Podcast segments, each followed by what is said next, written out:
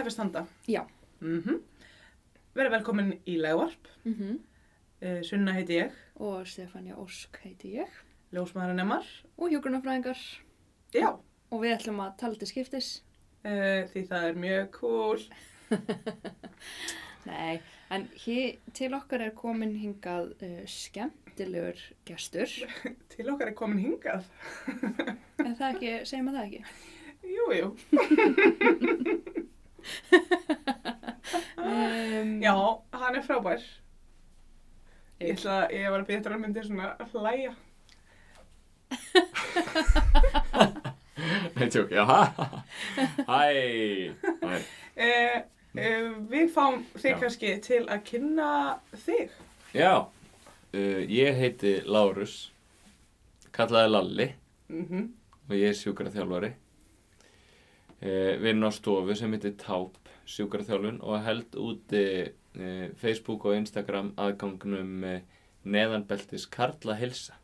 mhm. Mm Þannig að þú ert í sama bransa og við, nema bara uh, á næsta bæ. Kalla deildinni, Í kalladeildinni, Mhm. kallakljóðanum. kalla kljónum. Skemmtilegt. Við ákváðum að brjóta múrin millir klefana hér í kvöld. Já, Mhm. Uh, fá að skegnast inn í kallakljóðan.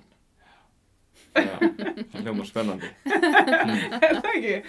Jú, uh, akkurat. Hérna, og hvað, hérna, þú veist, hvað er kallahelsa? Hvað er þetta? Hvað er neðanbeltis?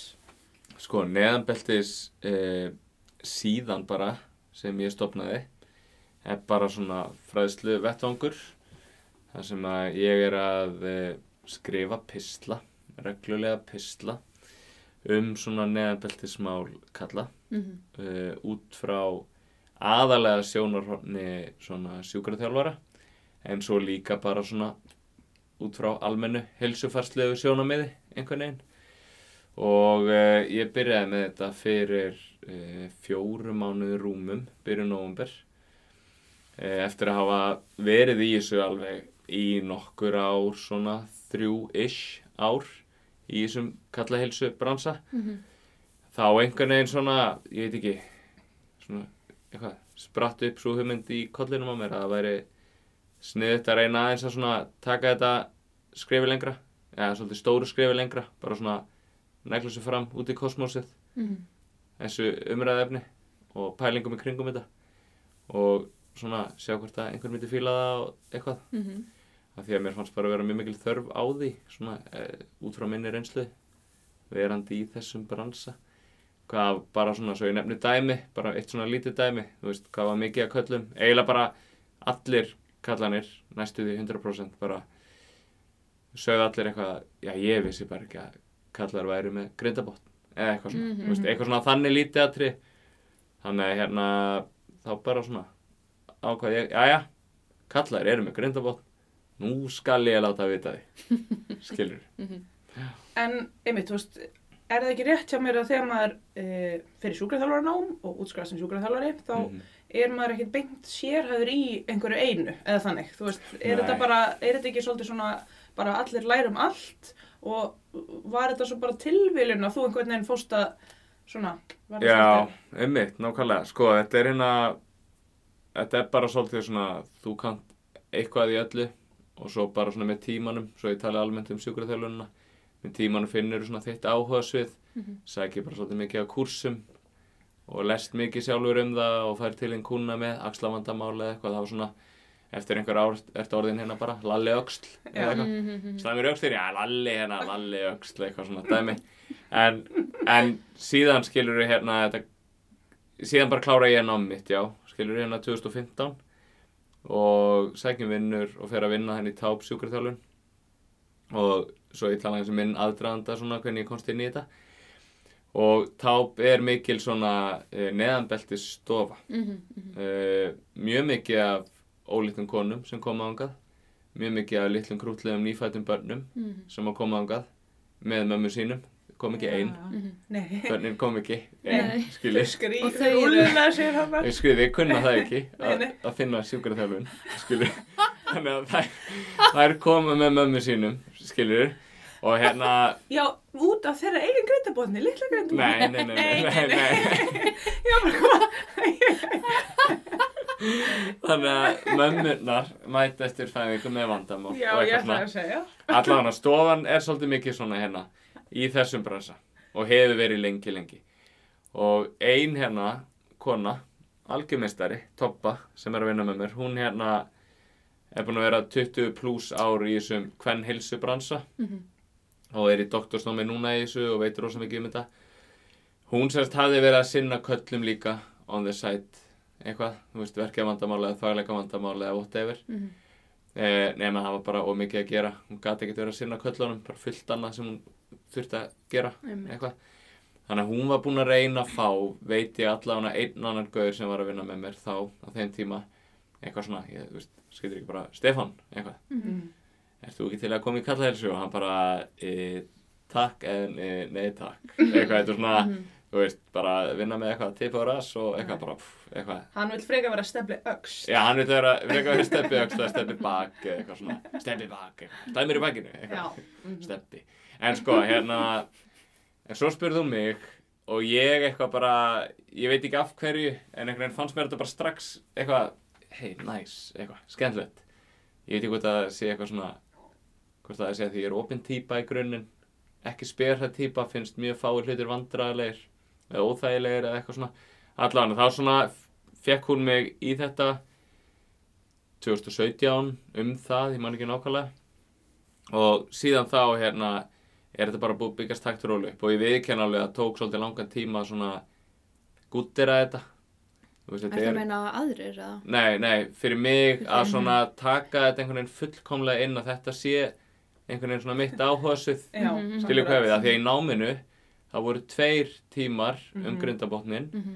eh, sem að toppa kendi, ég man ég var sofandi öðrum þeirra ég, og í hinum, ég man ekki alveg eftir hinum eða þess, hann var bara eitthvað, hann var vennuleg tími og þetta var bara ókslega lítill áhugi og í minningunum var þetta mest um bara hvernahelsu, þaglegi og, Mhm. og leta á fæðingi eitthvað Mhm. ég þarf samt að kíka klósuna, kannski var eitthvað um kalla helsu hana Mhm. en allan var ekkert verið að tala um þetta náminu og Mhm. þegar við strákanir hérna eh, sem útskrifuðum saman hittumst þá voru aldrei eitthvað svona strákar hérna eitthvað bara verskur í þetta- þessi umræða þetta sæði ekkert bara, Mhm, mhm, ekkert verið að tala um þetta eitthvað þannig að það tók svolítið tíma einhvern veginn guttir þetta fíla þetta svona í bótt skilur en svo bara kom það og ég var spenntur að fá kalla en svo bara eins og ég segi síðan bara koma þessu tímpunkti að við fannst bara þurfa að taka þetta upp á næsta level af því að það bæði var ókslega mikil vannþekking hjá köllum sem að koma til mín og svo fann maður líka bara hvað læknar kall sjúkdómalæknar sem eru þakkfæra skurðlæknarnir Einmitt. og heimilislæknar líka og bara allir læknar hvað svona maður hafði skinjað og heyrt bara beint hvað þeim vantaði svolítið meðferðar úrræði Mhm. Mhm. fyrir þennan hóp þegar læknarnir voru búinir að svona rannsaka það sem þeir rannsaka og Já, útskrifa þá. já, útskrifa það þannig séð einhvern veginn að það vantaði svolítið svona en já, prófaði þetta eða eitthvað svona Mhm. þannig að hérna þetta er líka til að fræða heilbriðistarsfólk og, og hérna og maður hefur alveg tekið eftir í að hefur klálega eitthvað skila sér. Veist, maður hefur bæði heyrt á læknum sem að vita þessum ágangi og er eitthvað svona að fylgjast aðeins með honum. Og svo hefur maður tekið eftir til dæmis að maður hefur fengið kalla til sín sem að voru sendir á hverja skurðlækni. En þessi kall hérna sem kemur til mín hafi líka verið hjá þakkfæra skurðlækni fyrir fimm árum. Mhm. og þá hafði læknirinn aldrei minnst á þú ættir að fara til sjúkraþjálfara Einmitt. skiljið hvað við Já, já. þetta geti verið vöðaspennu vandamál eða eitthvað með mjadmagrindina eða eitthvað svona Mhm. þannig að það er líka einhver svona vakning að eiga sér staði á læknum Mhm. sem er bara ágætt sko Það lítur nú að vera smá kvartning fyrir þig að, að þú veist, það er það stutt sem þú byrjaði með þetta, bara fjóri mánuðir að strax var hann að finna einhvern pínu mun, svona, já, sem Skemmtilegt. finnst þetta hérna ég veit ekki, ég vissi ekkert þegar ég byrjaði hvað væri Mhm. ásættanlegt eða eitthvað svona, ég hafði ekkert markmið eitthvað, eftir mánuð ætla ég að vera með 500 fylgjendur eitthvað, þú veist, eftir ár ætla ég eitthvað að vera að halda fyrirlestur eða eitthvað svona, ég vissi ekkert hvað verið gott og hvað verið slæmt. Nei, en svona í grunninn, þú veist, ég er búin að fara í útarsviðtöl, búin að halda fyrirlestura, fá beðinir um að halda fyrirlestura sem er reynda búið að afskrifa núna út af COVID-19 nú ég, en það kemur kannski sérna en hérna, og bara, já búin að fá fullt af viðbröðum og herri, ég þarf að segja ykkur eina sögu, einn tími fyrir smá hliðarsögu. e, Mhm. það, hún er velkomin. Já, sko, hérna, þetta er náttúrulega eitt grilla, sko, talandi um svona viðbröð og eitthvað. Hérna, sem að ég er mjög ánægð með hinga til. Mér finnst það mjög skemmtilegt, svona, hvernig þetta hefur hérna þróast. En ég fekk semst mann til minn um daginn. Þetta er skemmtileg hliðasaga núna. Sem að kemur út að kalla heilsu dæmi, neðabeltist dæmi. Og e, ég segi við hann, herriðu, þú þarft að retta þig beðinni í sjúkraþjálfun Mhm. og við þurfum að fá hérna blóðpröfu, tjekka á bla bla, einhvern hlut. Og hann fer til heimilislæknis, hans læknir er ekki við, en það er einhver kandidat, einhver stúlka, kona. Og hún segir, já, hvaða sjúkraþjálfari var að byggja þetta? Já, Lárus Jón Björnsson. Já, herðu, ég kannast nú við hann. Kannast við þetta nafn? Það var pólveri hérna hjá mér sem kom til mín og hann var að leiðin til Póllands. Eh, þannig ég sagði við hann, þú voru að hitta lækniðin í Pólandi. Þú voru að hitta hann og tala við hann um þetta dæmi. Síðan heyrði ég frá þessum manni, þessum pólska manni sem var komið til Póllands, búinn að tala við pólska lækni sinn, að pólski læknirinn sagði, þegar að þú fer aftur til Íslands, þá skal þú hitta Lárus Jón Björnsson sjúkraþjálfara. Hæ? Já. Bara haus springur, ha? Þannig að Hvað, er pólski læknirinn þá að fylgja þér? er hann á Google Er- Translate, þú veist ég. Ertu búin að koma kom Nei, sko, ég náttúrulega byrjaði- Já, Þú veist. já, sko, ég hérna byrjaði náttúrulega að kíkja á nafni á læknunum á beðininni. Eitthvað svona, er þetta eitthvað vinu minn sem Já. er fokkið mig, Já. eitthvað. Mjög líklega. Bara þekkti þess að stelpu ekkert eða þessa konu. Kunnin, ný komið til mín, við erum ekki konur á það level að fara á svona tjötti og konum með öðrum, eitthvað. Þannig að, en þú veist, ég býð eftir þetta hlýtur er einhver miskilningur eða eitthvað grín, en þangað til, Já, þá er þetta bara mjög skemmtilega að Já. alveg ekki svona frábær. alveg kjörin, uh, góða stæð til að taka vettfónsar til Póllands. Ég, ég væri alltaf búin að fara samt í svona þá sem eru búin að læka og reyna að sikta út hvort Já, það væri eitthvað mögulegur og Ok, þú ert ekkert búin að því. Nei, ég er ekki búinn að því. En allavega hérna, aðdragandinn, Þú varst að tala um að þú vissir ekkert hverjar væntinga þennar voru, Já. þú svolítið svona einmitt, hoppaðir bara út í djúbulegina með enga kúta og já, Mhm. einmitt sko. Og hérna, og hingað er ég komin. Já. á, á góðu floti. Ég er rauninni búinn að toppa mig, get hætt. Já, Já, en við búin erum bara þetta. hérna að loka þess Já, verkefni. Mér finnst það já, geggja. mætti segja það. Já, já, En nákvæmlega. einmitt að því að þú varst að tala um að þetta var svolítið svona, að þetta var smá ferli fyrir þig, að sætta þig við þetta, hérna, er ég að verða þessi gaur, einhvern veginn. Mhm.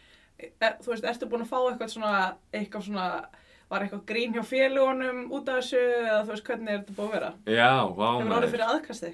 Sko, félagslegu? kannski ekki, sko ekki félagslegu aðkasti, ekki svona, ekki Það er ekki verið að henda einhverjum gúmmiteipum í húsið þitt, en Nei, nei, nei, nei, sko hérna, það, ég býð eftir því.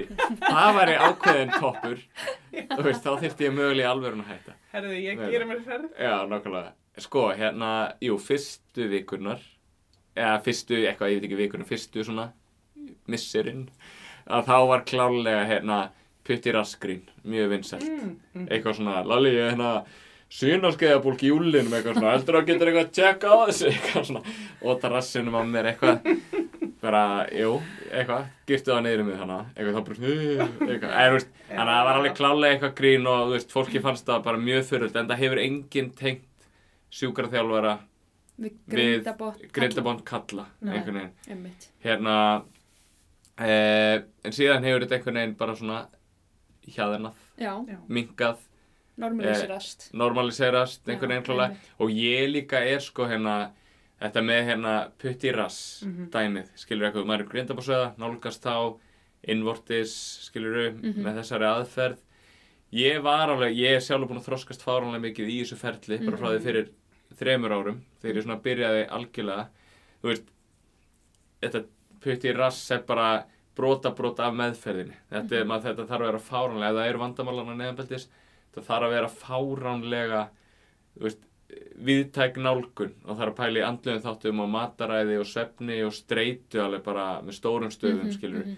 og það liggur við að minni partur af þessu sé eitthvað svona, eitthvað svona nú þarf ég að finna grindabúsana beint með puttanum mínum skiljið hvað við Já.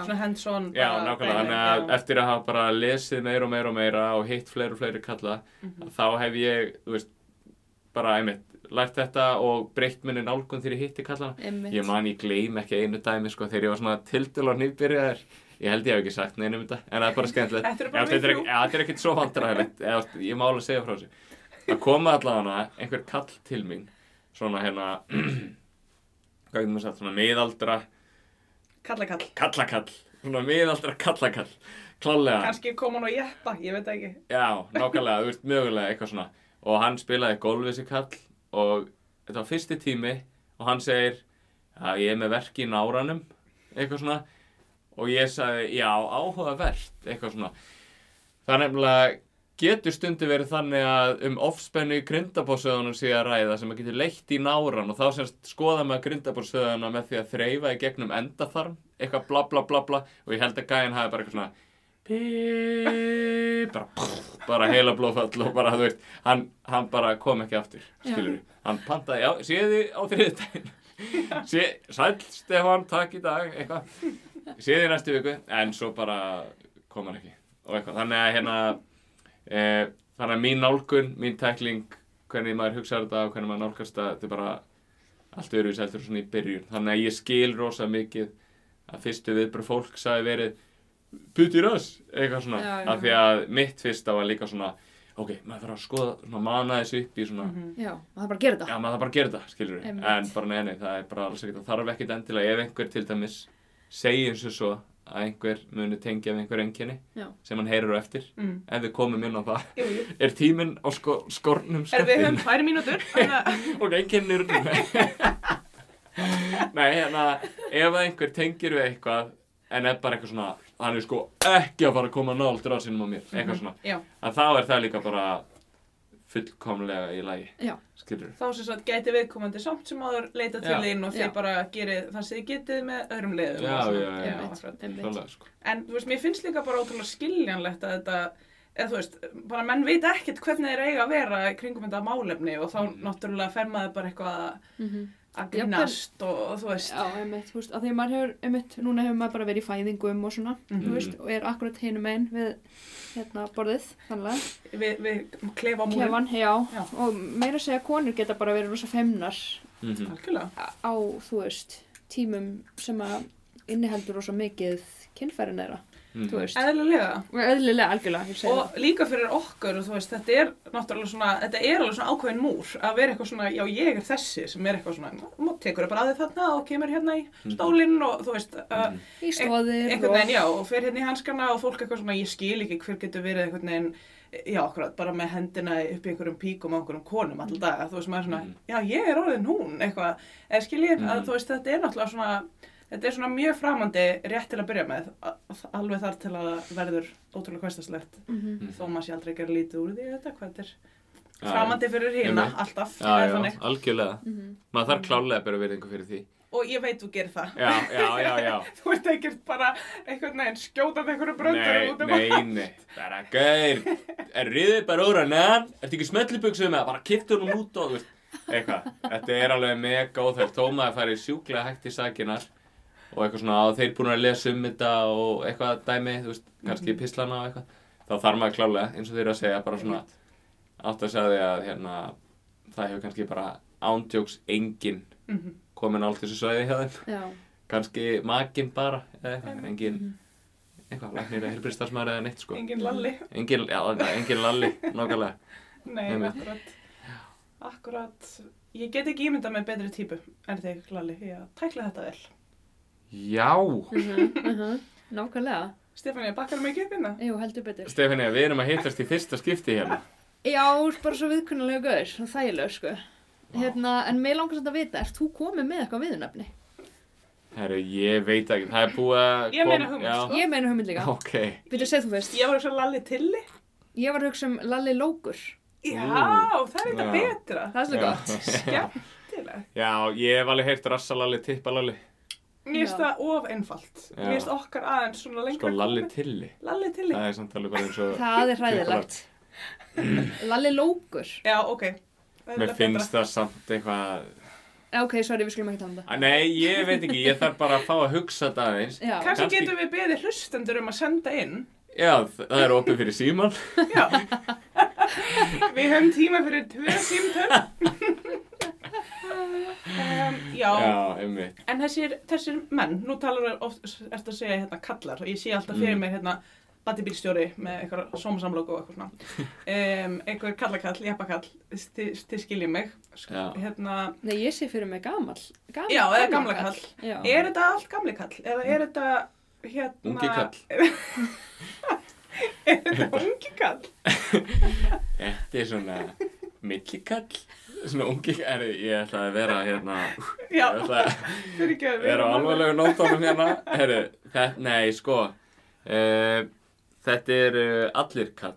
Þetta er, ég hef verið með, ef við tökum bara svona mjög vítt, Já. þetta grindaboss, svona neðanbeltisvæði, Mhm. þá er yngsti sem ég hef verið með er 11 ára. Já, ok. Já, vá. og núna var að koma beðinni um eh, einn hérna fimm ára Ég, Ok. já, þannig að þetta er en, en það eru, þú veist, svona algjörlega maður með eitthvað svona ég kann ekki starffröðarðin, Mengi. eitthvað mengi Mm. eða eitthvað, þá er þetta svona út fyrir, þetta er svona Já, já, en hérna uh, hins vegar er kannski að maður skiptir þessi svona tvent aðalega svona verkja vandamál Mm sem er svo með kannski þrjá flokka sem eru þannig að segja, þú veist, verkir, e, þvagavandamál og svo svona kynlífstengt vandamál. Mhm.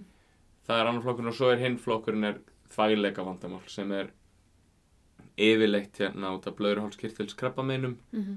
og meðferði kringu það og svona eða taugarsjúkdómar hús Parkinson eða eitthvað svona Mhm. að það er þvægleiki eða bara gamall Bara gamli kall. Gamall, gamli kall bara Já. með slappa grindabórsöða og bara einhver léleg stjórn á sig eða eitthvað. Mhm. Þannig að þá í þeim flokki eru klálega eldri kallar Mm í, í Þvagleika þvægleika flokknum Mhm. eh, en í þessum svona, ef ég kalla það var verkjaflokk eða eitthvað svona, Mhm. að þá er það allt frá bara rúmlega tvítugu upp í, ég veit ekki, 60 eða eitthvað svona. Mhm. 35-40 er bara mjög einhvern veginn svona algengur aldur. Mhm. Já. Sem er ótrúlega áhugavert að heyra, af því að Mhm. ég hefði aldrei giska á að það væru, einmitt, bara menn undir akkurat 50, 40, þú veist, Mm Mm. e, í, að bara að, að glíma við þessi vandamál, þannig sé. Nei, einmitt, sko hérna þetta er nefnilega, og núna kemur við svolítið svona inn á hvernig maður hugsar þetta svæði þetta neðabelti svæði að hérna þetta er bara þetta eru bara vöðvar og liðbönd og einhver líffæri og fassíur og taugar og bara svona bla bla fyllt af einhverjum orðum og hérna þetta er bara hluti af stóðkerfinu og alveg eins og ungir kallar, tvítugir eða þrítugir eða eitthvað geta verið með vesen á axla, háls og herðasvæðinu sem dæmi Mhm. að þá spyrir maður bara svona, þú veist, af hverju þetta er ekki geta verið vandamál á þessu svæði, Mhm. skiljið Algjörlega. af því að hérna þetta eru bara vöðvar sem að fungera að mjög mörgu leiti alveg eins og aðrir vöðvar líkamanns og aðrir vöðvar, vöðvar líkamanns geta verið slappir eða geta verið stífir eða Mhm. geta verið með triggerpunkta, einhverja svona spennu geta gefið staðbundaverki eða leiðniverki eða whatever, eitthvað þannig. Mhm. að þá hérna geta þessir vöðvar á þessum stað líka gefið slík enginni skilur þannig að hérna þannig að það er bara örgla ástæðan fyrir að þú sagðir það sem að þú sagðir þú veist að hugsun sé Já. eitthvað svona kallar undir 40 En þeir sé ekki já. með vand, að eitthvað geta þeir verið með vandamál þannig að bara já, að því að Allir geta verið með vandamál alls þar. já, Einmitt. í rauninni sko Einmitt. Ég var að spá í, þú veist, að þú varst að segja þessi, þessi einkenni. mhm, Ég er pínu spennt að vita hver þessi einkenni eru. Svona, mhm þú veist, þegar kalla komið til þín, hvað er að segja? Eða svona, hvað er Já. að deila með þér? Já, nákvæmlega. Þetta er sko hérna þessi enginni geta verið hérna rosa fjölbreytt og nálgunin er náttúrulega eftir því svo er alveg klálega svona ímislegt sem er sammert hjá flestum Mm. svona sem við getum kannski farið út í og eftir sem að svona sem að svona maður taklar eiginlega alltaf sömu hlutina hjá öllum sem er í þessari svona verkjakurfu sko Já. En vandamálinn geta verið bara svo ég bara búm búm búm bombið fram, gleymi kannski einhverju segi kannski eitthvað tvisar, þú veist, þetta er bara verkir í tippi og þá er það alveg klálega getur sagt til um hérna orsökina hvar í tippinu, rótin á tippinu höfðinu á tippinu, þú veist, staðsynning getur skipt máli verkir í eistum, verkir á spangarsvæðinu Mhm. og notabene komur, hefur komur á óvart hvað fáir vita hvað spöngin er Mhm, ég held að það væri bara common knowledge mhm. þú veist, en er bara óvinni margir sem að þú segja svona hvað þeir sér spöngin? Gráður, Akkurat. bónus spönginni Mhm. en Við, við erum með mitt ljósmaður höngum mikið á spönginni Já, veist, og erum já. alltaf að tala um spöng og ég er algjörlega sammálaður ég er Já, bara, já. það veit eiginlega enginn hvað maður er að tala um sko. nákvæmlega, Mhm. milli pungs og endaþarms hjá köllum eh, þannig að verkir á því svæði eh, verkir í endaþarmsopinu hringveðunum Mhm. eh, verkir í grindarhólun einhvern veginn svona djúft inni Mhm. eh, verkir neðst í kviðinum eh, svona bak við lífbeinið á því svæði svo getur þetta verið veist, aftanlæris verkir einhvern veginn náraverkir verkir í rassinum upp í bak veist, og þegar ég segi verkir þá er rauninni mættur að taka út verkir og setja líka bara þrýstingstilfinning eða óþægindi þú veist, þrýstingur grindarhólinu þrýstingur í endaþarmsopinu eins og þessi golfkúlaðar eða eitthvað þrýstingur mjög algengt, svona þrýstingur neðst í kviðinum svona sem að bladurinn er eða þú veist á því sagði Mm.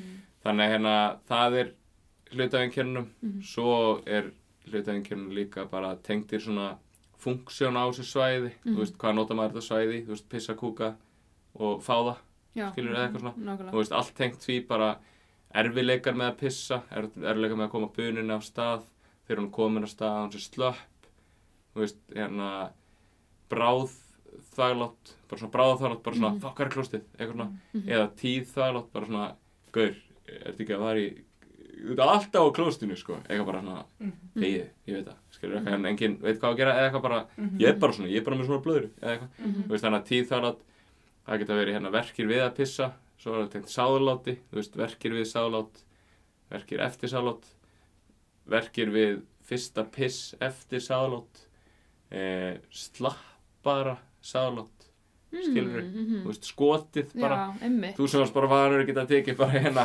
bara bara bara, Ó, ég veit að fólk getur séð Já, lengur enn bara tilbyrðin hérna- bara heimsmyndi í langstykki 79, nei ég veit ekki hvað eitthvað. Wow. bara, já eitthvað, þú veist, þú skýtur því kannski ekki alveg svona. Ætli einhver hafi farið í sáðláts uh, lengdar það væri mjög áhugavert og ég ætla að finna út úr ég því. skoraði að halda ég þetta um þetta. ég ætla að halda um þetta. Íslandsfóti í sáðláts skoti Nei, krakkar. en allavega að, að hérna ég hef verið með kall hjá mér sem að bara svona þetta skota bara orðið stittra og bara slappar og já. Eh, svo funksjón líka, já, hægðardæmið, þú veist, að kúka, bara erfileikar við að kúka, verkir við að kúka, verkir eftir að hafa kúka, Mhm. þú veist, þetta er bara svona hérna, þetta er bara hlut, já, þetta eru vandamáli. Þetta, þetta kemur verulega óvart hvað þetta er í raun og veru fjölbreytt Já, og hvað þetta er mikið, bara, þú veist, mörg einkenni og ég sjálf bara, veitandi svona lítið, bara hefði aldrei grunað að ef einhver myndi segja mér að hann væri með þessi einkenni mhm, og ég sem er náttúrulega bara orðin hjúkunarfræðingur, mhm, myndi ég aldrei vera eitthvað, ég herði kannski pælinga að kíkja á hérna Lalla já, já, í, í táp. lalalók. Já, kannski Já. er eitthvað, í- má, veist, er eitthvað að í grindarbotninu einum. Já, já, nákvæmlega. Já, þú veist, og svo þarf það ekkert endilega að vera eitthvað sem er að í grindabotninum eða grindabosvöðunum Nei, eða eitthvað. Þetta en getur, kannski. Já, kannski, klálega, en svo getur þetta verið líka bara hérna, þú veist, frá kviðvöðunum, spenna niður á þetta svæði, eða frá bakinu, eða frá rass og lærvöðunum, það þarf að skoða bara Mhm. heildamyndina, Einmitt. alveg svo ef einhver kemur Mhm. Einmitt. axlar vandamáli eða eitthvað, þá skoður hálsin líka Mhm. og olbúan og allt, veist, fyrir ofan og neðan. En sko hérna, uh, en svona ferlið, Já, þú veist, að því að hérna, ég tek ekki, vil ekki taka á móti köllum án þess að það sé búið að taka öll svona rauðu flöggin Mhm. og það er alveg klálega einu svona fór ég á fund, fórum við toppa á fund með þvakkfæra skurðleiknum á landsbytalanum Ok. og þar var alveg svona lagðu lína sem við vorum alveg sammála um Mhm, að, mhm. um að það þyrfti að vera búið að útiloka Já, alltaf hættulega þú veist hérna krabba megin í blöðruhálskirtlinum alvarlegar sýkingar mhm. uh, eða eitthvað í rislinu, krabbminn í rislinum Mhm. uh, hérna, gillinæð eða eitthvað svona einhverja hluti sem að bara lif, meðferð aðgerð, já, já, bara læknar Einmitt. ekki, ekki sjúkraþjálfur skilur þú veist en hérna, en svo hefur svona stundum skrefið, milliveg. hva, neða síðan hefur vantað svolítið svona hvað næst, þegar það er búið mm.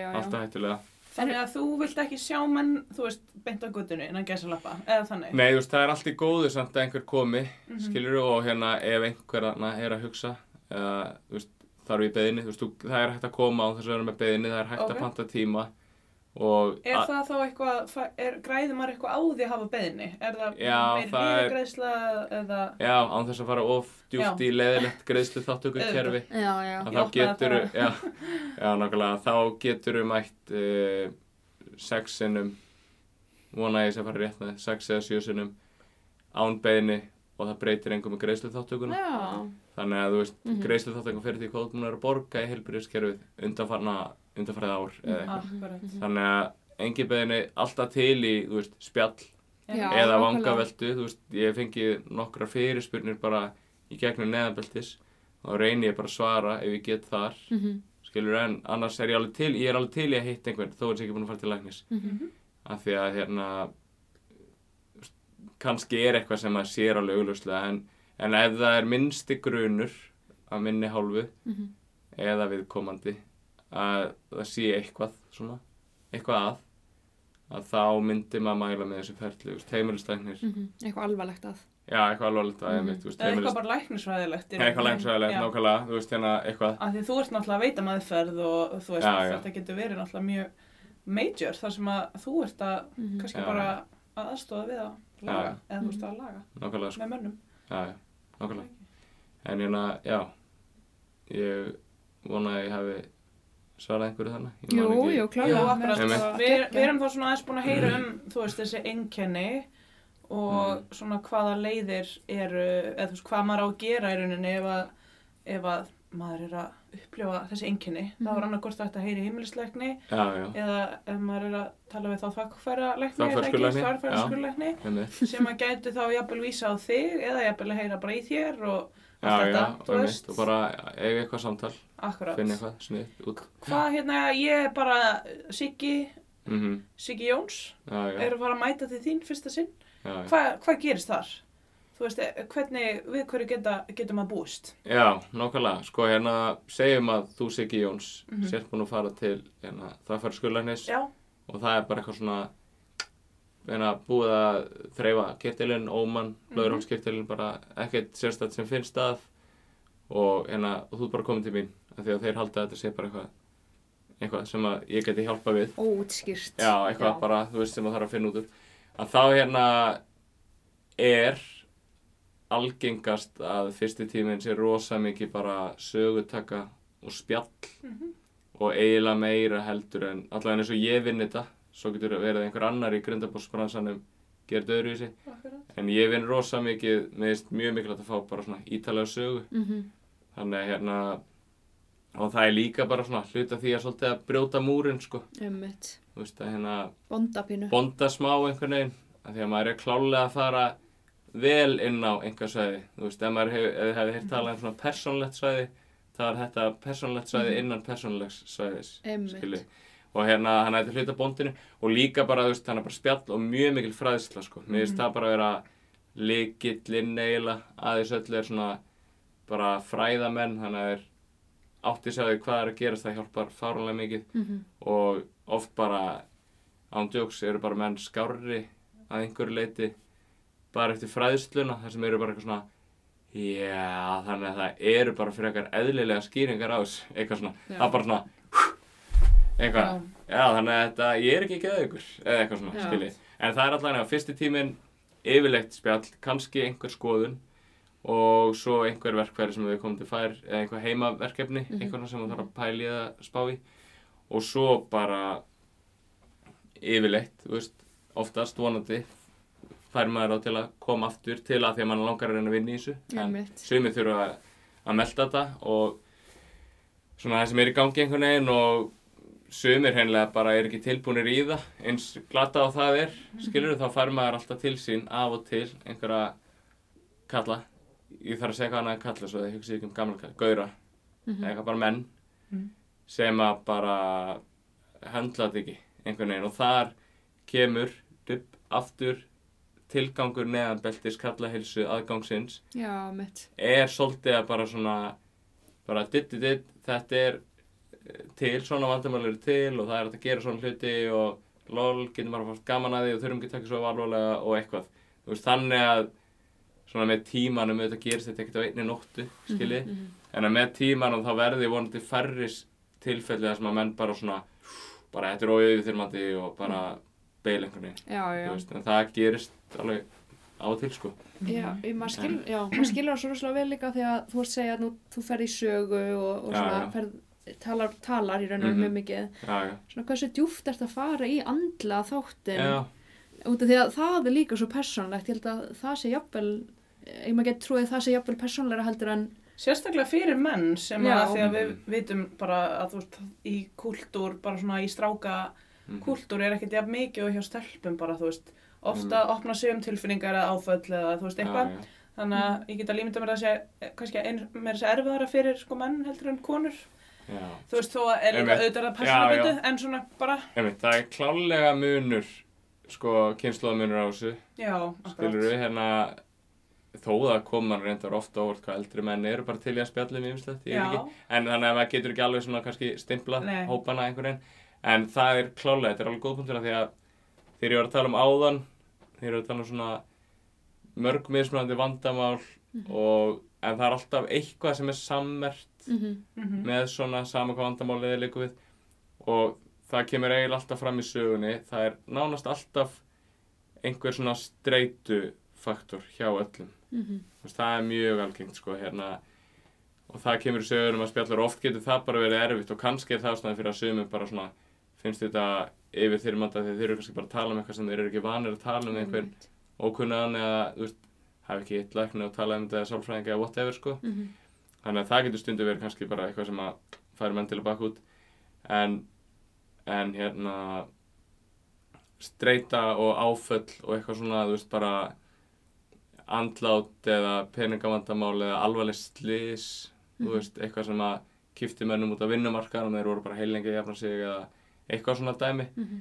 það er hérna það er mjög algengt að það sé svona samert með þessara hópa og eitthvað sem að ég fer klálega inn í. Til að því varst að tala um svona hversu djúft ég fer og eitthvað svona. Einmitt, ég er hérna ég fer bara eiginlega frekar djúft í allt sko einmitt, Mhm. einmitt. svona en auðvitað les maður í Einmitt. þeir komandi og hérna gerir þetta ekkert eitthvað svona óþægilegt eða reynir það Mhm. ekki en en veist veist en líka á ákveðin átt ert þú bara að veita held ég, veist, meðferð bara svona þerapíu með því að að tala við, við þessa menn um Mhm. þetta, þú veist, hjálpa þeim kannski að orða einhverja svona tilfinningar og að því þú veist, það hefur bara verið sannað að bara það að fá að orða tilfinningar sínar og tala um hvernig maður, maður líður eða eitthvað sem maður lendi í sem maður reyndist erfitt að það Mhm. er bara heilandi, þú veist, Mhm. þannig að Mhm. það er kannski á ákveðin hátt bara svona þungu far ekki að mér létt ég er bara aðeins búin að ræða þetta bara ég fekk Mhm. að segja frá þessu og ég fekk viðurkenningu á því að, að þetta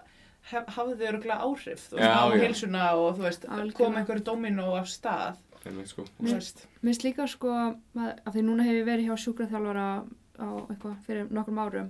Það sem var líka svo heilandi fyrir mig var að tengingin við líkamlega sásöka, veist, var viðkent með andlegum, Mhm. eða þú veist, Já, að, þú veist, se- sem andle, afleðing af andlegum sásöka, eða þú veist, einhvern veginn bæði, þetta bara og tengist. Já, já. hliðanar Það er eitthvað sem að svona kannski sjúkraþjálfurinn skilur svo vel er líkamlegir verkir. Mhm.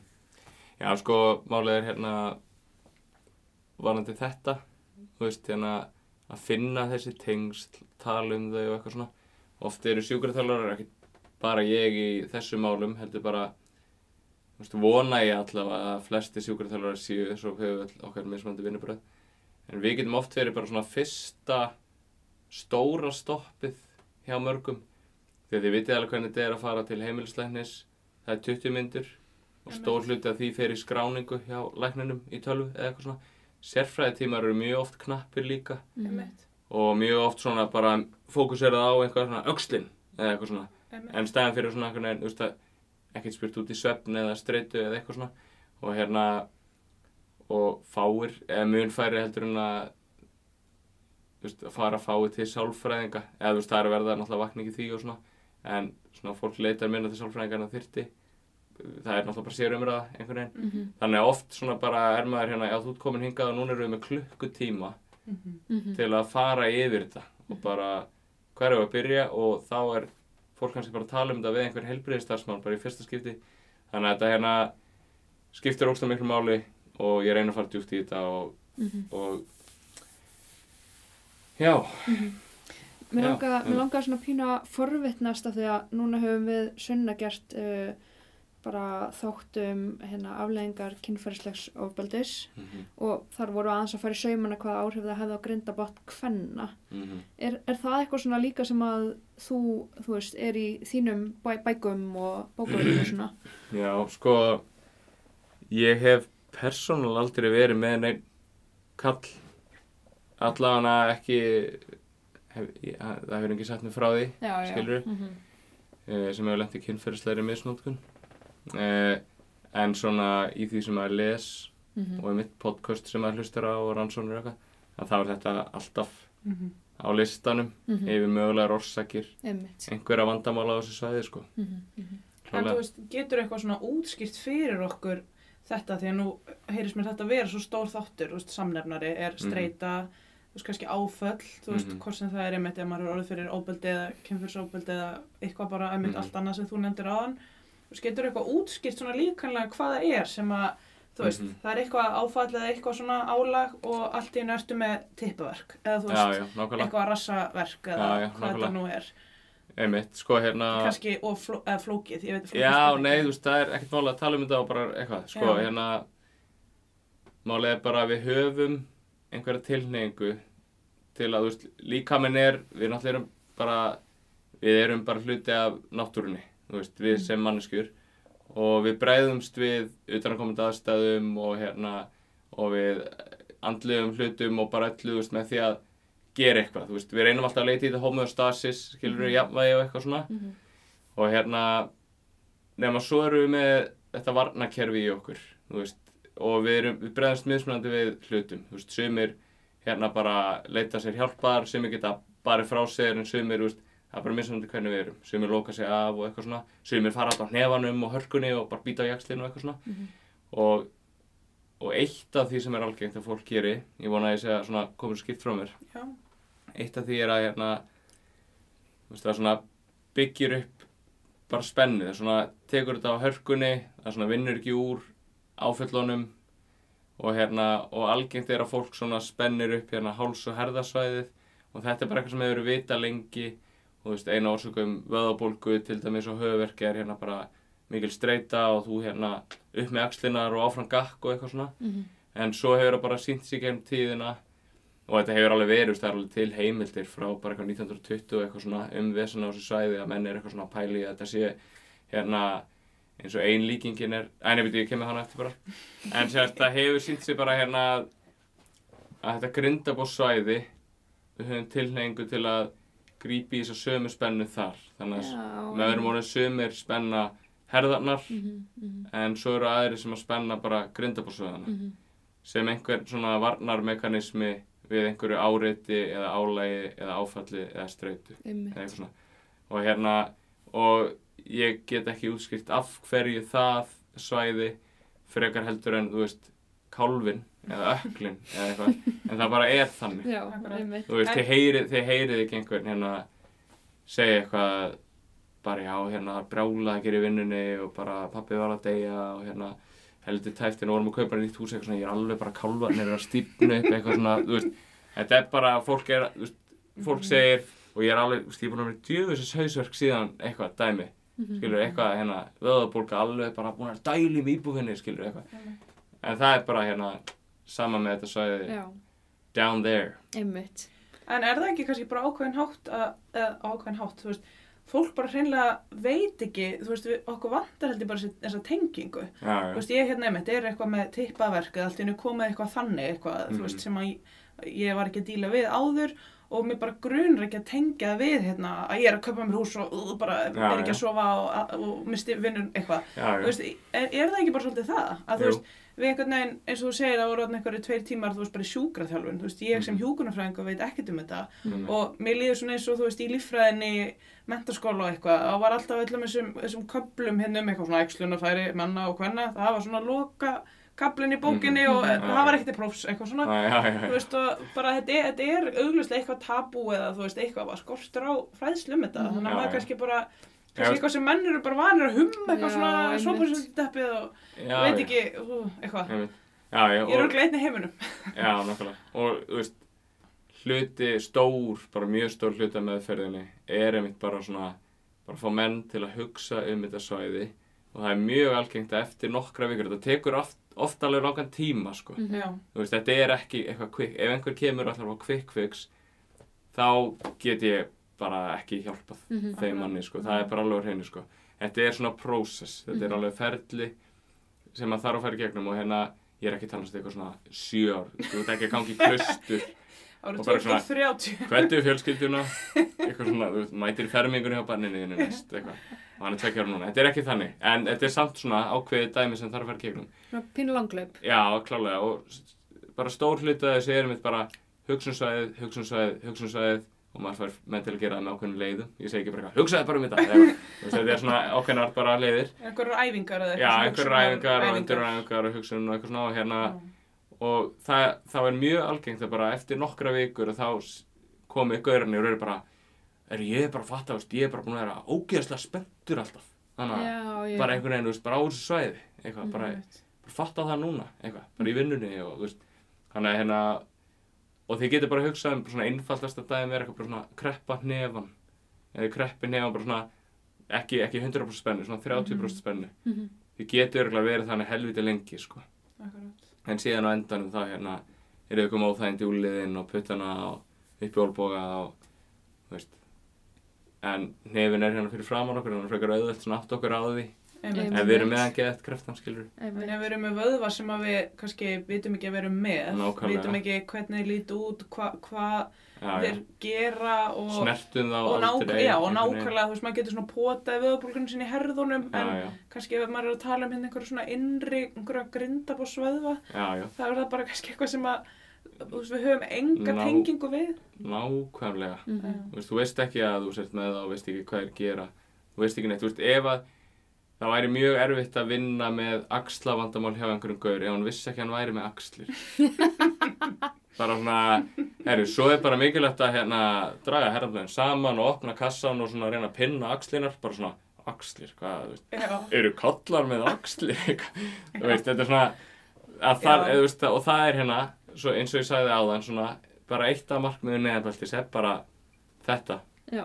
bara Mhm. kallar eru með þetta já, Já, hjálpa nákvæmlega. köllum svona að upplifa bara sín eigin grindabótna. já, ein, Já. já, nákvæmlega, sem bara mjög stór af líkama þeirra Einmitt. Sko ég er svona, mín, mín mynd af sjúkraþjálfurum sem að ég veit að margir tengja við og mér finnst þetta mjög jákvæðir punktur, þú veist, er það að þeir hjálpa mm, fólki að hjálpa sér, eða Mhm. svolítið, þú veist, þetta Já, er já. ekki, þú veist, meðferðin, bara, bara það að fara og hitta sjúkraþjálfurinn og hann nuttar eða þeirra græðingar eða tegjur eða eitthvað, það er svo lítill, þú veist, parturinn af þessu, að því að svo er Mhm. þetta alltaf svona, svo þarf þú að gera þetta heima og þú þarf að di-di-di og breyta einhverju og svona, sem ég held að sé misjaft reyndar hvað fólk leggur á sig þar, en þú veist, Já. það er svolítið svona alltaf undir manni sjálfum koma hvað gerist. Mhm. já, veist, já. er þetta það sama á við líka um neðanbeltis? já, rosa mikið, já, já, já, nákvæmlega rosa mikið, nú ætlum ég að koma með svona leini trick, Mm. nei, ég skilur, ég er endar held ég að hef stólið þess að frá einu sem að vann með mér, sko. Það er allt í lagi. Já, en sko eitt bara svona til að setja þetta í samhengi er maður segir fólk hérna, herru við erum saman núna í 30 mínútur. Af því að fyrsti tími er klukkutími skilja en svo er svona styttra styttri session vennilega en ok, já, við erum saman í hálftíma núna en það eru 168 klukkutímar í vikunni skilja þannig að það er svona við gerum á hálftíma Mhm. á móti hinum 167 og hálfum klukkutímanum veist, það vegur rosa lítið þannig að veist, þá svona reynir maður þannig að fólk átti sig að eitthvað svona já, veist, kannski áttar fólk sé ekki það, ég veit ekki, miðst allavega svona, fyrir mig setur þetta svolítið í samingi svona, bara það er fullt af tíma þarna sem að ég þarf að vera að sinna þessu sjálfur, sko. Mhm. Því að hálftími er mjög lítið svona. Já.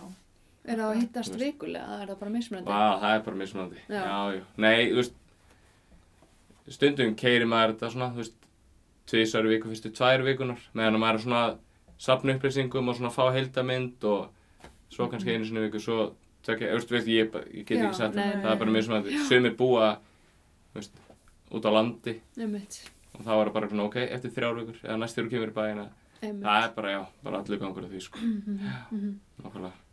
En af því að nú ertu búin að vera í svolítið tíma að meðhandla kalla, ekki bara svo fjóra mánuði heldur alveg eitthvað Já, svona já. aftur. Hefur, þú veist, já, hefur þetta verið að skila árangri? Þú veist, hefur fengið bara einhver skilabóða, feedback frá þínum mönnum, bara um að, um að, hérna, að þeir hafa öðlast eitthvað betri lífskeiði og Já, já, já, einmitt. Sko hérna, ég held ég væri ekki í þessu ef ég hefði ekki fengið, þú veist, ég hef ekki náða neinum árangri. Nei, það er eitthvað enginn búin að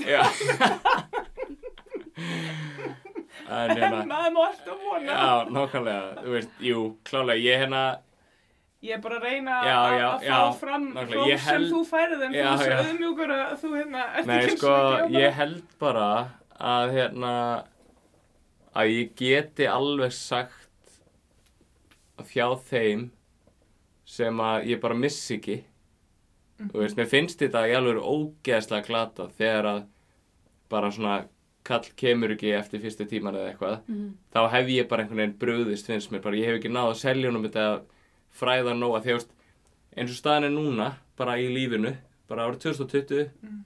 þá þarf svolítið að selja það að streyta og mikil seta og að þú hafi verið mölbrotið að þið lærleikin í móturljósliði seint tíman að það sé búið að valda einhverju uppsafnari spennu í grindabotnum og veldur sálátsverknum eða eitthvað veist, þetta er, það er, þú þarft ekki beint mikið að selja ef einhver kemur er með verk hérna niður hendina þetta er frá hálsinum, þetta er brjósklós í hálsinum þú veist, þá bara er fólk eitthvað, já já, þá bara vinnum við með hálsin þú veist. Mhm. maður þarf að selja þessa meðferð bara rosa mikið Einmitt. þú veist, hérna hljómar í það eins og ég sé hérna, æ, þið skiljið En hvað við ég, ég skil þig og mér finnst þetta svolítið þannig bæði þú veist eins og þú skuttlar ekki alkanum í meðferð ef hann vill það ekki og þú skuttlar ekki einhver til sálfræðings og bara, herði, nú vinnur þú hérna úr þessu? Sem þú vilt ekki tala um. Já, veist, það það er svolítið svona einstaklingar þarf á ákveðin átt að hafa pínu insight þú veist, í hérna ok, þú veist, að vera allan tilbúin að þú veist, horfast í augu við þetta og tilbúin Já, að opna sig aðeins og berskjálta sig og eitthvað. Þannig ég held frekar um þetta menninni sem kannski kom ekki aftur, þeir kannski þurfa bara að hugsa þetta með sjálfu sér í eitt ár og koma bara setna eða þú veist eitthvað. klálega sko.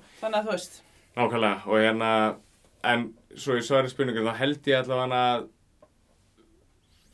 allir, svo er kannski einhver gaur hann að hlusta brjálaðir sem bara veit, já, Lalli. nákvæmlega, kaftaði, eitthvað svona, ég var ekki betur eftir því, svona. lókur. Já, nákvæmlega, en flestir þá, svo ég alhæf ekki, flestir sem að, svona, maður næra hitta nokkru sinnum og fræða og gefa einhver verkfæri, að þá er annarkort bara, bara mjög nálægt 100% bæting á þeirra einkennum yfir í bara svona ég er bara miklu skárri. Já, og þetta já. svona Og kemur meir já, já, kemur meir í kipum og, og það er líka þó að munurinn sé nefnilega þó að munurinn sé kannski bara eitthvað svona þeir eru aðeins betri af og til að það er nefnilega bara mjög svona valdeflandi fyrir fólk að vita bara er já, ég get ekki ljóðið betri og ég er hérna með þessar hluti sem að ég finna svona hjálpa og þó að það er svona bara æ, ég samt nenni bara ekki alveg, veist, ég bara er ekki típan í að ég veit ekki, hreyfa mig svona mikið, ég bara er ekki, ég fíl, nenni sig ekki, svona, nenni ekki að sinni sig svona mikið, en ég veit ég get alltaf haft stjórn á einkjarnunum einhvern veginn, í staðan fyrir að vera bara skilið farþegi og aldrei vita af hverju þú verður verri og þú veist, að þú svona stýrir þess aðeins meira, Einmitt. skiljið hvað ég við. Já, og þú getur þá, þú veist, haft einhverja Já, leið til að já. verða betri Já, ef þú já. orðið það slæmur. Nákvæmlega. Það er bara eins og einn gaur hjá mér hérna. Svo ég leifum bara að koma, ég ætla ekki, ég geti örugglega sagt einhver dæmi hérna, Mm en svona ótrúlegasta dæmið var bara hérna einn gaur sem að kom til mín, ég man ekki nákvæmlega söguna akkurat núna, ég þyrfti að eitthvað gráða það upp sko, en hann var búinn að vera eitthvað nála tíu árum nála tíu árum með einkennið þannig neðabeltis og það var eitthvað svona verst, verstu hérna verstu einkennin voru þú veist, verki við, við að pissa já, já, afsaki, sorry ég er að rifja hérna Mm. mm. verki við að pissa verki í tippinu að pissa, það var morgunbunan var verst og svo fyrsta pissa eftir sáðalótt, það var svona helsta og svo var hann með svona einhver bara svona einhver ónotan á þessu svæði svona almennt eitthvað svona þyrstingur eða litli stingir eitthvað svona en þetta tvent, þannig að morgunpissið og sáðalóttspissið það var alveg bara svona pain, bara strakvelablöð í gegnum tippið eitthvað svona Mhm. Og þetta er náttúrulega, þú veist, þetta er klálega þetta dæmi er klálega above normal, þetta var einum of bara einhvern veginn gott. Maður þurfti að halda andliti skiljið þegar hann kom og sagði að enginn verið næstu í farin bara eftir einn Mm. tíma. Þar sem hann mætti spjöldluðin saman ég frætt hann um þetta getur verið í gangi bara bla bla bla. Og nú skalt þú bara fara heim og reyna að slaka á grindabósöðunum og kendi hann bara svona einhverja ákveðna leiðir til að slaka svo kom hann viku seinna og þá var bara voru næstu í horfin. Ég snerti gæðin ekki, hann fór ekki úr buksunum í tímanum skiljið Mm. og þá einmitt hérna ég held í fjóra tíma vorum við farin að skoða eitthvað bakið eða hnýið eða eitthvað hjá hann við svona vorum aðeins að vinna í sáfremi nokkuð skipti svona fínbús einhver hluti. En þá einmitt sagði hann sem að mér fann svolítið svona einmitt skemmtilegt að heyra.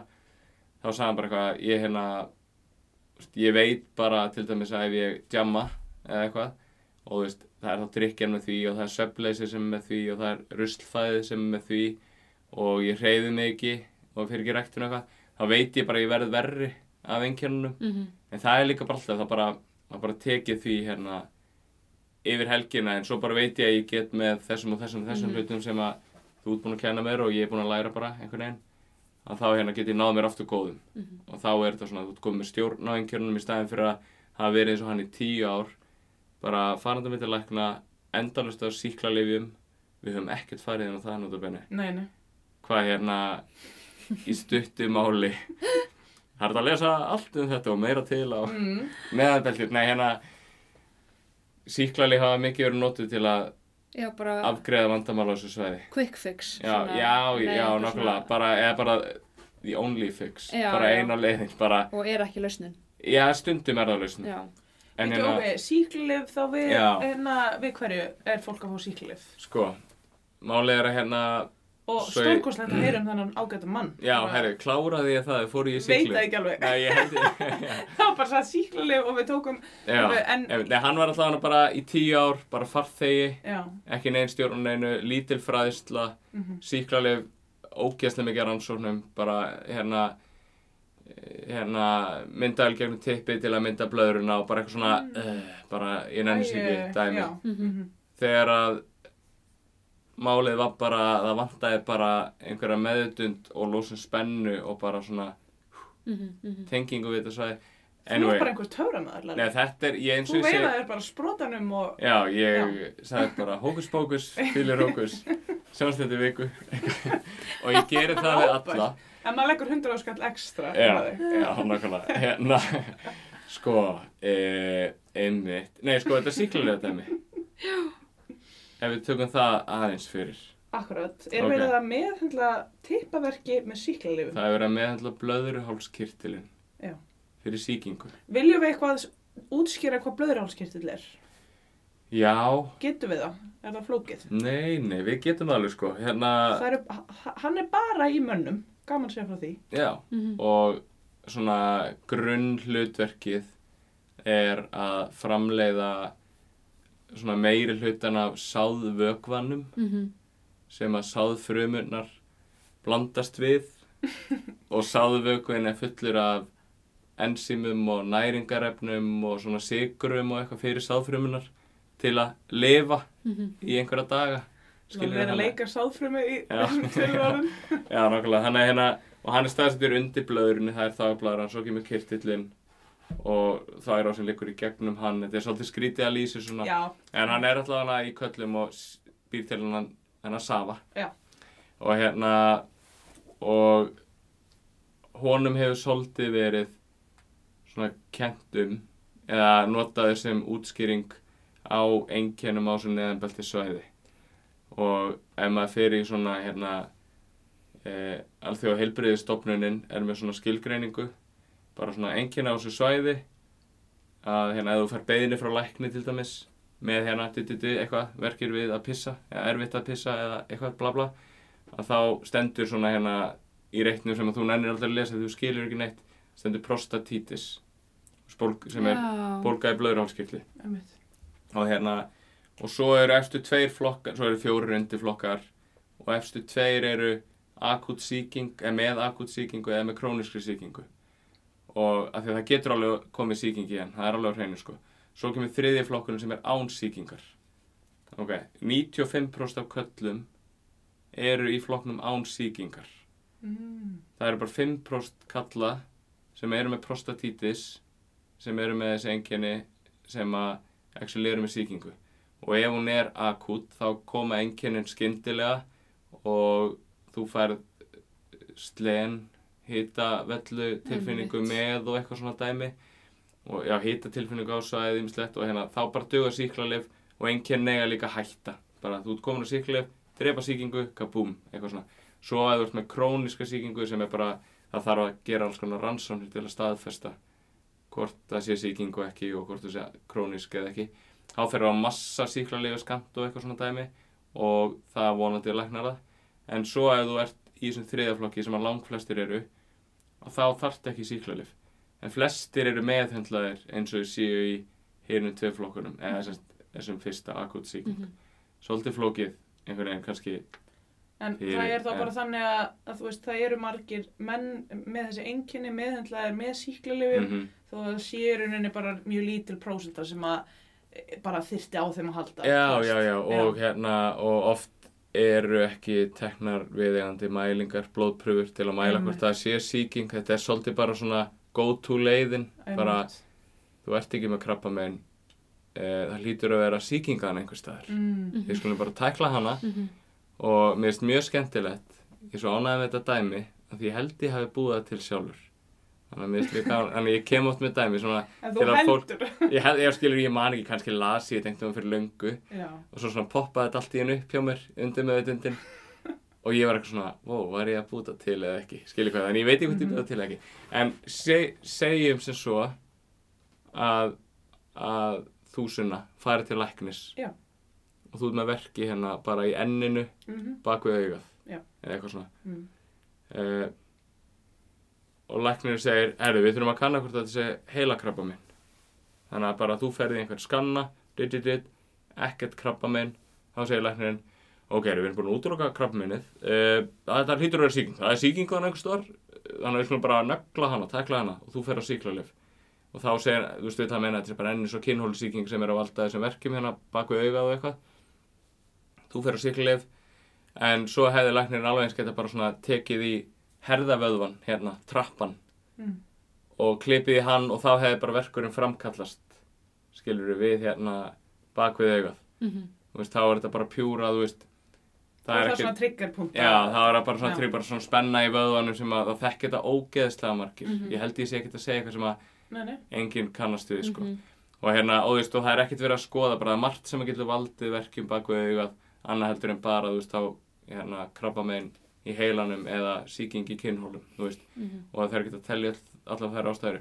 En þannig er þetta svolítið svona þannig að á þessu neðanbelti svæði, Já. búið að útloka hættilegasta og þá bara neglu við síklarlegu bólguðandi því það er einhverstaðar hana, Einmitt. bólgur einhverstaðar hana og þá yfirleitt er verið að hugsa það í blöðri hálskirtlinum. Akkurat. Það er rosalega vannþekking. Já, þú veist, ég veit ekki, mér finnst eins og ég sé, ég ætla ekki að vera trash talka semi-kollega mína, þakk fyrir að skula hérna, eða semi-kollega, þú veist, við erum í þessum bransa saman, þannig að ég segi ekki kollega, þeir eru eitthvað svona, hvað ert þú að kalla okkur kollega? Nei, ég vil ekki vera talka þá, En, þetta er bara- því. nei, þetta er bara, ég er bara að segja, þetta er bara það sem að Já.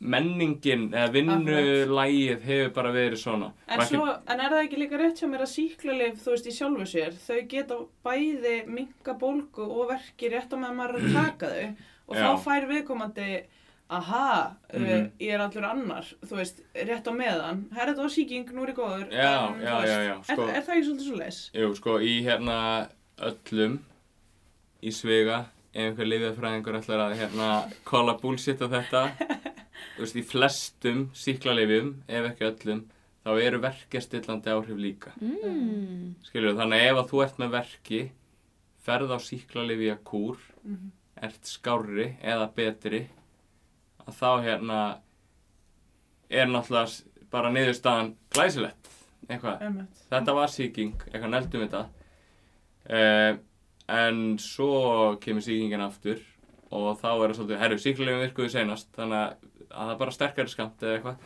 Og svo er þetta bara, gengur þetta svona frá, bara ringa til ringa til ring og ég verið með að kalla hjá mér, það er endur alveg með íktardæmunum minn, þeir að vera á 20 pluss síklarlega kúra Vá. ég myndi segja svona típiskasta væri eitthvað svona, já ég hef farið fjóru-fimm sinnum á síklarlif síklarlega kúra sem er náttúrulega svona, þú veist, sem er alltaf mikið maður vill alls ekki vera á Já, já. síklarlegu Nei, með og- óþörfu og fyrir utan bara að við erum að búa til mjög mikið síklarlega ónæmi í Já, heiminum og já og sko fyrir utan bara hvað áhrif þetta hefur á flóruna þeirna og Já, allt já, þetta. dí, dí. nákvæmlega, það er bara mjög algengt líka að kallar tala um að þeir hafi síðan bara fengið einhverja ristilkrampa eða Einmitt. Já. króniska niðurgang eða stíplur, Akkurat. bara hæðatröður og það er líka eitthvað sem við höfum ekki talað mikið um svo sem en við getum bara talað um það seinna eða eitthvað en bara meldingin Akkurat. tengist þess alveg fáránlega mikið og ég fer alltaf út í það líka hvernig hún er Eru, og, eru, er algengt að menn séu með einkenni frá meldingaveinum já, samhliða einhver veginn Já, sko málið er bara hérna eins og mér fannst svo skemmtilega að setja upp svona einni, einni bók sem ég las að hérna þú veist, líka minn gerir ekki greinamun á svæðunum eins og til dæmis bara læknisvæðin þú veist, við erum með hérna, ef við tökum Já, bara þetta miðjusvæði Mhm. þá erum við með hérna þvakkfæra skurlækni sem er með hérna tippi, stupungur, blöðrálskirtil, Einmitt. þvagbladra, eitthvað svona svo erum við með meldingalækni sem með þarmana, ristilinn og eitthvað svona svo erum við með hérna e, svo erum við með bæklunalækni sem er með hérna náran og lífbeinið, bólgur því eitthvað svona dæmi, Mhm. skilur, og svo erum við með heimilislækni sem er með einhvern veginn svona bara eitthvað af þessu þú veist, þetta er svona, þú veist, á meðan að líkaminn er ekki eitthvað svona já, nú eru meldingatröflanir, við skulum ekki, lát, ekki láta einkennin gangi eitthvað niður, ekki láta vera með einhverja stingi í grindarhólið eða þú veist, hérna, láta hann bara líða vel þegar hann kúkar, eitthvað svona þú veist, við skulum bara hafa þetta verkefni fyrir meldingalæknin eða eitthvað, skilju hvað við þannig að það er bara mjög algengt hjá að hérna e, yðra ólga held ég þessi á íslensku, Mhm. irritated bowel syndrome, Mhm. IBS Mhm. kannski einhver sem að þekkja að kannast við að hafa fengið þá greiningu eða eitthvað já, þú veist, það er hérna það er mjög oft samhliða þessum grindabósenkjænum eh, og þá getur það annarkvæmt verið einhver orsöku afleðing eða þú veist, út af til Já, dæmis síklarlifja Já. ofnotkun Líka svona eins og með, með hæðatræðuna sem að mjög margir díla við og er svona tabú. Þannig að þú veist, margir unge einstaklingar með króniska hæðatræðu og hans að bara tjá sér neitt um það. Mm að e- eins og þú varst aðeins að tala um svona hvernig við tæklum áföll eða streitu eða eitthvað, Mhm. þú veist, við erum svo ofta að tala um hérna uh, fight or flight uh, Já, já. bara tögakerfis svona stillinguna hérna við Stefania í þessum þáttum -hmm. og það er, þú veist, þetta þarna, sympatiska kerfi sem að líka maður getur farið í ef maður þarf að, þú veist, tækla eitthvað svaka verkefni og svo er svo smótveið við því er sko rest and digest sem Mhm. er svona akkurat þegar við erum Mhm. með blóðflæðið bara í hérna ma maganum og eitthvað svona, þú veist, þannig að þegar við erum að hlaupa undan ljóninu þá höfum við ekki tími að vera að melta og já, já, búa til þvag og eitthvað. Og þú veist, mér finnst bara að leiða maður skilu þetta þá finnst mér meika sens að manneskjöndi streitu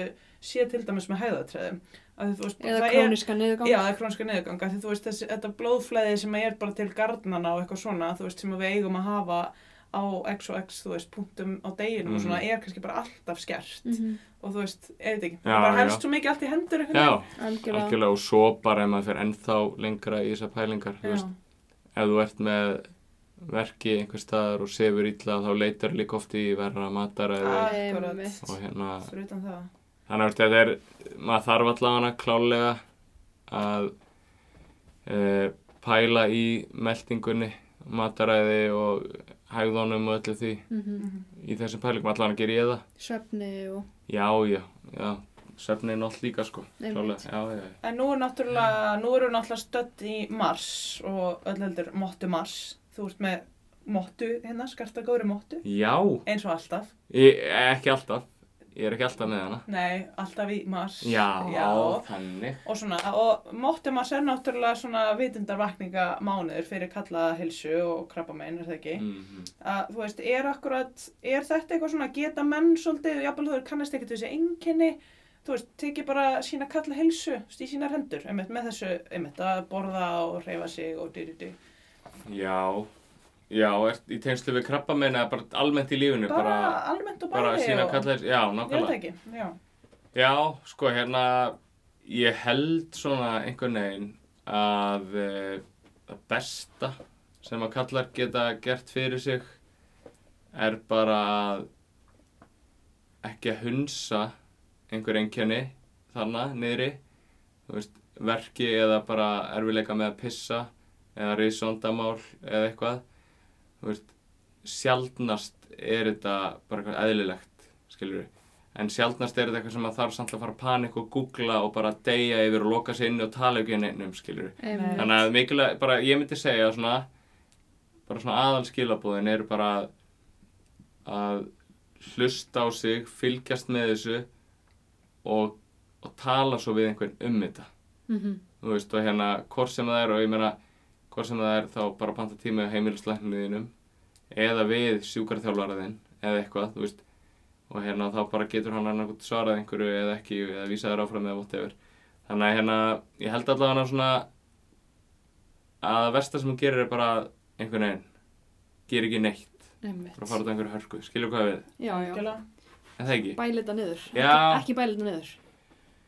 Nei, ekki er vera feimnir, ekki vera feimnir Mm. við að bara láta tjekka á þessu og tala um þetta. Einmitt. Þetta getur kannski verið eitt svona form af eitraðri karlmennsku, einmitt að, hérna, eða þú veist, er, er þetta eitthvað svona sem að þú getur ímyndað þér að, að særi stolt manna eitthvað meira en akkurat, að vera með eitthvað í öxlinni eða eitthvað, að, Já, einmitt, þú veist, sko, risvandamál, þú veist, er þetta ekki allt voðalega svona, bara mikið hjartans mál og, og getur verið viðkvæmt, sérstaklega unga, fyrir unga stráka. unga sko, krakka. jú, sko, málið er að ég veit, ég, ég á smá erfitt með að svara þessu. Ok. Af því að yfirleitt þeir sem eru að koma til mín eru, þú veist, búin að fara til ógeðslega margra lækna Mhm. og búin að prófa svo ógeðslega mikið að það liggur við að ég geti sagt bara eitthvað svona herru, svo er bara hjálpa rosa mikið til að þú myndir bara fara fram á gangjana nakin bara, þú veist, leifa loftum eða eitthvað svona, bara eitthvað svona gessalega fárlega, margir væri örgulega bara eitthvað svona, ok, fuck it, flott, ég gerir það bara, skilji, ég segi það ekki, nú er þetta alltaf bara rugl sem ég er að segja, en Já, þeir eru alltaf margir komni bara hálfpartin á endastöð. Já. já, og veist, er alveg að sér alveg eru feimnir og óöryggir klálega mhm, en það er svo stutt í að maður bara svona na, að þeir bara eru til í að tala um bara svona semi til í allt sko. Þannig að ég veit ekki alveg hvernig en svona og fyrir mig persónlega þá er ég ekki feimin með þetta svæði og að tala um það við einhvern læknu og eitthvað svona. Nei, nei, nei.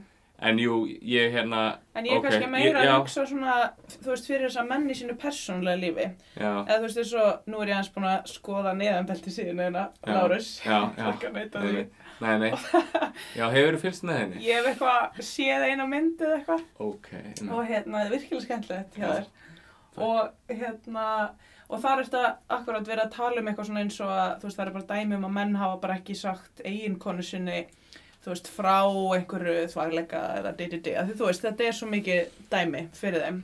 já, að þú veist, maður getur kannski ímynda sér að hérna, þú veist kannski bara 20 ára einhleipur, ungu Mhm. karlmaður að þú veist hvað það getur dreigð úr þér einmitt að vera eitthvað svona, hér nú ætlum ég hérna að fara að deyta en já, ég er hérna með risvandamál eða eitthvað, þú veist bara hvað það gerir fyrir já. sjálfströstið þitt, þú veist já, já, að hérna, maður getur ímynd sér alls konar svona einhver Mhm. dæmi. Mhm. já, klálega og það er alveg rétt, svona núna þegar ég var að tala um þetta svona, ég var eiginlega að fara að koma um þetta þessu Já, það svona, greipi fram fyrir þess já, nei, allt er góðu sko, en ég var einmitt að fara að koma bara að, að þetta er samt svolítið svona, menn er ekki maður heyrir svolítið oft svona já, ég er ekki búin að segja þú veist, það veit enginn af þessu einhvern veginn, nema jú, kannski makinn, ekki börnin eða eitthvað svona. Og hérna ég myndi aldrei segja vinunum frá hérna risvandamálunu eða eitthvað. Og ég skil alveg, ég er ekki þetta er ekki spurning um að einhvern veginn svona Nei, nei, að fara að básúna öllu út. Mm. alveg eins og þið kannski með eitthvað, ég veit ekki, sveppasíkingu eða þagleika eða whatever, þetta er ekkert endilega eitthvað svona e en bara svona allavega að maður hafi eitthvað þóri að talandi við besta vinsinn eða eitthvað, hefur þú lent í þessu áður? Eða eitthvað svona, þú veist, ég er að drepast í þessu að bara reysavandamálina, ég er bara 24, er það ekki, veist, eitthvað skil, veist. Mhm, mhm. það hérna er klálega eitthvað sem að ég held að sé Væri þetta eitthvað til að, til að leggja inn í þú veist kynfræðslu eða einmitt, þú veist, vera með eitthvað svona fræðsluningu í framhaldsskólum eða eitthvað? já, já, vel, ég bara veit ekki hvaða Háskólanemar. Já, lalla í háskólan. Já. já, já Nei, ég er að hugsa upp á sko. já, er hérna- nákvæmlega, ég Einmitt, veit ekki þannig að hvað þetta er sé sko Einmitt. bak, bak svona, bak við eira við fólki, já, þú veist, ungi menn geta fengið risvandamál, Mhm. ef að ég fæ tippaverk þá get ég kýtt þá, eða eitthvað, ég veit ekki, þú veist að að þeim bara tippaverkur, þú veist, þetta er bara eitthvað sem að maður er svona, já, býtu, er þetta að vera með verk? Eða þú veist, þetta er bara svona, er ekki einhvern veginn partur af bara hugmyndaða fluginu mann, sko, líka við. En svona kannski bara eitt að lokum af því að við erum svona styttist í hlýja Það stýttir sér Það er hérna næsti þáttur að fara, fara í loftu að um, það er svona augljóst þema í þinni nálgun á þessu Mhm. er svona svolítið húmórin eða þannig Mhm. að hérna hver, hvernig svona hver er pælgin á baku það? Hvernig kom það til að, að þú væri svolítið að, að nota húmór sem leið? Sko það er hérna bæði meðvitað og ómeðvitað einhvern veginn. Ég bara, það bara gerðist að ég fættist og þroskaðist eins og ég þroskaðist. Og maður, ég bara einhvern veginn, þetta er bara bara ég að fara einhvern veginn mína leið að þessu. Skilja hvað við, svona Já. reyna að vera léttur af því ég reyni það kannski svona yfirleitt í lífinu. En svo er líka hérna ég, það er hérna hvað kallast það, svona þegar einhverjur inspo, ég er með inspo skilu það er Kona. Innblástur? innblástur Mm. einmitt. Ég er búin að búa Ameríku fyrir kjöður Þú varst bara ég var bara að lenda. Hérna. Inspo, hvað sagður það væri? Áblástur. Nei, innblæ sko hérna Stefán er að kapna hérna. Susi Grönski heitir hún.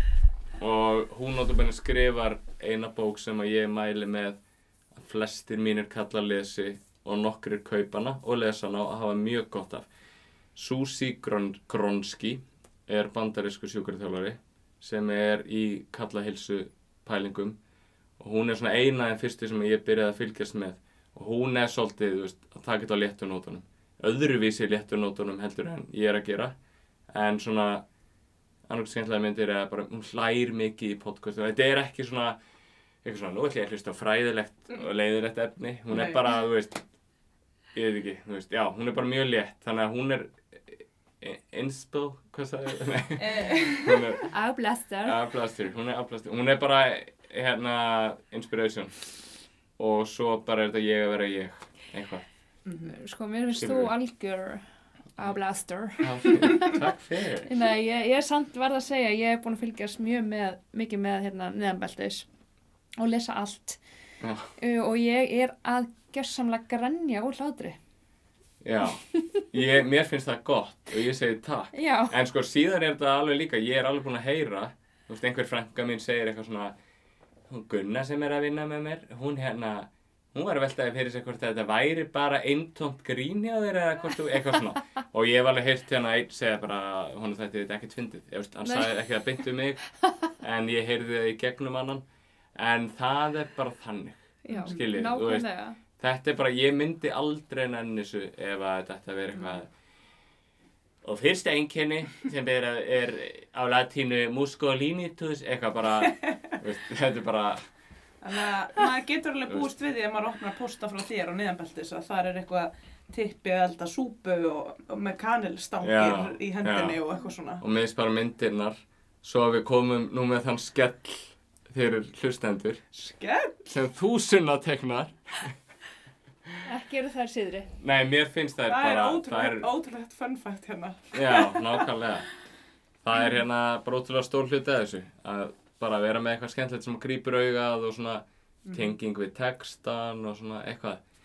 En þetta er líka bara, ég veit ekki, þetta er örgulega þekkt bara þú getur eh, tekið örgulega mjög marga bræn sem þú tala um einhvern auglýsingagauður eða markaðsmála frömuð. Að þá er eitthvað svona, ok, við erum með eitthvað alvarlegt, eitthvað tabú, Mm uh, geti grín verið sniðt, það er örgulega bara ég er einhvern frumkvöld í þess að tekla eitthvað alvarlegt mál og léttu nóturum sko. Það er nú til hjúgrunar meðferð í svona einhver hjúgrunar meðferðarhefti sem heitir Kímni. Já, Líka, Ég ætla hérna að nota uh, þýstinsára forvarnir og þetta og þetta og svo Kímni. En ég er svo sammálaðar. Mér finnst nefnilega þetta bara málefni á, á þess að þú veist, ég er ekki með tippi og ég er ekki, þú veist, partur á þessu. ekki lengur Meira um það. Lengur. meira um það í næsta Já. Ég er bara svo sammála að mér finnst húmór einalegin til að tækla þetta mál. Það er bara eiginlega mín skoðun. Já, en samt líka Nei, en skilur Já. þú veist, með uh, þínum fræðilega Já, fræðslu. já, og það verður að vera. Ég er ekki að segja að Já. þetta eigi bara að vera einhver síða af einhverjum tippabröndurum og ekkert meir. En þú veist, mér er samt svona, það er gott að það sé alltaf smá léttur undirtón. Af því að þetta er einmitt bara svona, þetta er svo prævat og þetta er svo viðkvæmt og þú veist, Mhm. bla bla bla og þetta er einhvern veginn karlmennskan og allt þetta og þú veist, einhvern veginn við erum ekki vön að tala um þetta þannig að þú veist, það er held ég bara alveg ótrúlega góð leið að hafa bara pínu húmor fyrir því algjörlega. um, Lalli, við þökkum þér bara kærlega fyrir að deila með okkur þessari þekkingu. Býttu voðalega kom þetta flattið Hvað? Þessi kveðjustund Nei, ég, ég bara var að segja almennt. Ég bara þakkaði fyrir það. Já, já, ok En þetta er samt kannski bara já, en sko, ég, ég held að við getum setið og tala við þig Lalli í svona fimm tíma í viðbót. Uh, ef við kannski bendum fólki bara svona á að, að fylgja neðanbeltis, bæða Facebook og Instagram og þar eru náttúrulega hafsjór af góðum svona fræðslu pislum þannig að veist, það er hægt að kynna sér málefni sem Mhm. að höfða til manns og helst bara allt saman. Þannig að við, við getum kannski ekki farið unni saumana á, á öllum atriðum. Einmitt, en er eitthvað svona sem þú myndir vilja segja að lokum, þú veist, er eitthvað Við þökkum þér kærlega. Ég er að tjóka. hérna, sko, eina sem ég vil segja er bara að uh, ég hef alveg fengið nokkrar svona fyrirspurnir bara svona bein skilabóð í gegnum hérna síðuna en ég vil bara hvetja fólk til að gera meira af því ef það er einhver pæling, þetta þarf ekki alltaf að vera eitthvað einhver gaur að spyrja um sjálf á sig þetta getur líka bara einhver pía sem er forvitin um eitthvað. Já, og það þarf ekki að vera til að panta einhver tíma það getur líka verið bara til að spyrja já. um eitthvað, þú veist bara, bara ég er rosa mikið að þessu líka til að bara læra sjálfur. Akkurat. Þú veist, ég á eftir að læra svo ógeðslega mikið um þetta. Þó ég veit alveg ógeðslega mikið um þetta. Bara Mhm. mér langar eina en að mér er skaman að heyra bara hvað fólk er að spyrja um hvað það vill vita þannig að bara það er kannski aðal, bara fylgja neðanbeltis kalla þessa, Mhm. Facebook og Instagram og við kannski bara minnum á að veist, það er náttúrulega alltaf trúnaður í þínu. Já, þú veist já, líka í gegnum síðuna veist, þó þetta sé eitthvað lalli nágranni eða lalli eitthvað hérna úr Já, eitthvað grunnskólanum mínu með eitthvað þá bara, veist, það skiptir einhver máli engum máli, nákvæmlega. En svo er það náttúrulega spurningi sem brennur á öllum. Já, verða neðanbeltis nærbuksunar framleitar ú ég vona það. Og ég líka, sko, þeir sem að við veit ekki þetta er líka svolítið góð leið til að fá fólk til að fara inn á síðuna e, veit ekki hvað nærbuksur Sunna er að tala um veist þú hvað nærbuksur Mm, mm. eru? Ha? Nei. þú sem að segist hafa lesið síðuna inn Það er í á cover- Jú, Coverfótó er það á svona Facebook síðunni. hvítar með svona grænum Já, já logo. Já, Þetta ég er eh, á síðunni, coverfótó á Facebook síðunni Ég var í geðvegt til ég að henda þeim í sölu bara 100 eintök Það eru mertar, nummer 1, 2, 3 þannig að þetta verður svona subgrip Vá. Nei, nú er þetta bara eitthvað heyrðu, Já, já þetta er ótrúlega spennandi mm Svo hvetjum við bara alla, alla legvarpara til að senda okkur tillögur að hérna fyrir svona professional nicknameinu þínu. Lalli Lókur, Lalli Tilli, saman hvað það nú er. Tippalali, Rosalali Eh, Spangar, Lárus, já. Lárus Pínis, ég, Já. nei ég veit það ekki. Mm. Ok, eru það ekki bara loka orð? Jú, það held ég nú. Það var ótrúlega gaman að hafa þig, Lárus. Ég þakka þig kærlega fyrir að hafa komið hingað. Takk sömu leiðis Takk fyrir mig